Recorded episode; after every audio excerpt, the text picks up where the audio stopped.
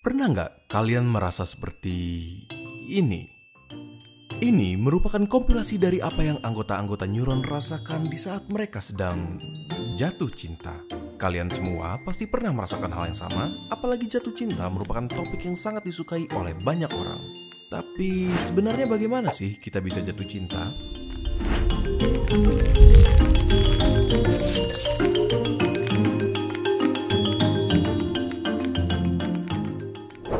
Menurut sekelompok peneliti yang dipimpin oleh Dr. Helen Fisher, perasaan di saat sedang jatuh cinta bisa dibagi menjadi tiga kategori menurut hormon-hormon yang terlibat.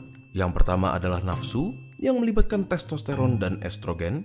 Yang kedua adalah daya tarik, yang melibatkan dopamin, norepinefrin, dan serotonin.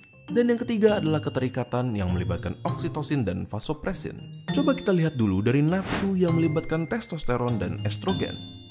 Testosteron meningkatkan libido dan meningkatkan sikap agresif yang dapat mendorong seseorang untuk mengejar orang yang menyebabkan respon yang intens ini.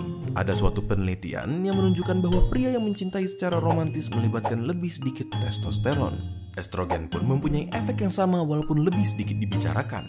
Bahkan, seorang perempuan akan merasakan nafsu yang lebih tinggi di saat sedang ovulasi karena level estrogen yang tinggi. Di kelompok daya tarik, ada yang namanya dopamin atau juga disebut dengan nama reward hormone. Hormon ini dikeluarkan saat kita melakukan hal yang terasa nikmat untuk diri kita seperti menghabiskan waktu dengan orang yang kita cintai.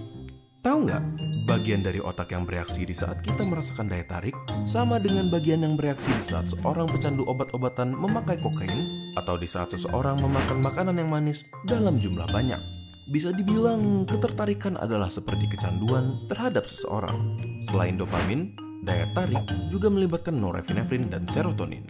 Norepinefrin membuat kita merasa bersemangat, euforia, bahkan bisa menurunkan nafsu makan dan menyebabkan insomnia. Yang berarti kalian bisa benar-benar jatuh cinta sampai kalian tidak bisa makan maupun tidur. Hormon serotonin yang terlibat dalam nafsu makan dan suasana hati pun menurun juga di saat seseorang sedang mengalami ketertarikan terhadap orang lain. Dan yang terakhir, pada kategori ketiga yaitu keterikatan, hormon yang terlibat adalah oksitosin yang sering juga disebut dengan panggilan cuddle hormone. Seperti dopamin, oksitosin diproduksi oleh hipotalamus dan dikeluarkan dalam jumlah besar setelah hubungan seksual, menyusui, dan melahirkan. Hmm, memang terdengar seperti golongan kegiatan-kegiatan yang sangat beragam dan tidak semuanya merupakan kegiatan yang bisa dinikmati. Tetapi mereka semua mempunyai kesamaan, yaitu semua kegiatan ini merupakan awal mula dari membangun suatu ikatan.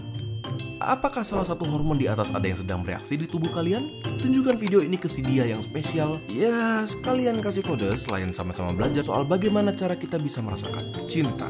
Jika ada topik yang kalian ingin kami bahas, kalian bisa tulis di kolom komentar untuk kami lihat. Terima kasih dan sampai ketemu di video berikutnya. Lagi hari yang spesial loh.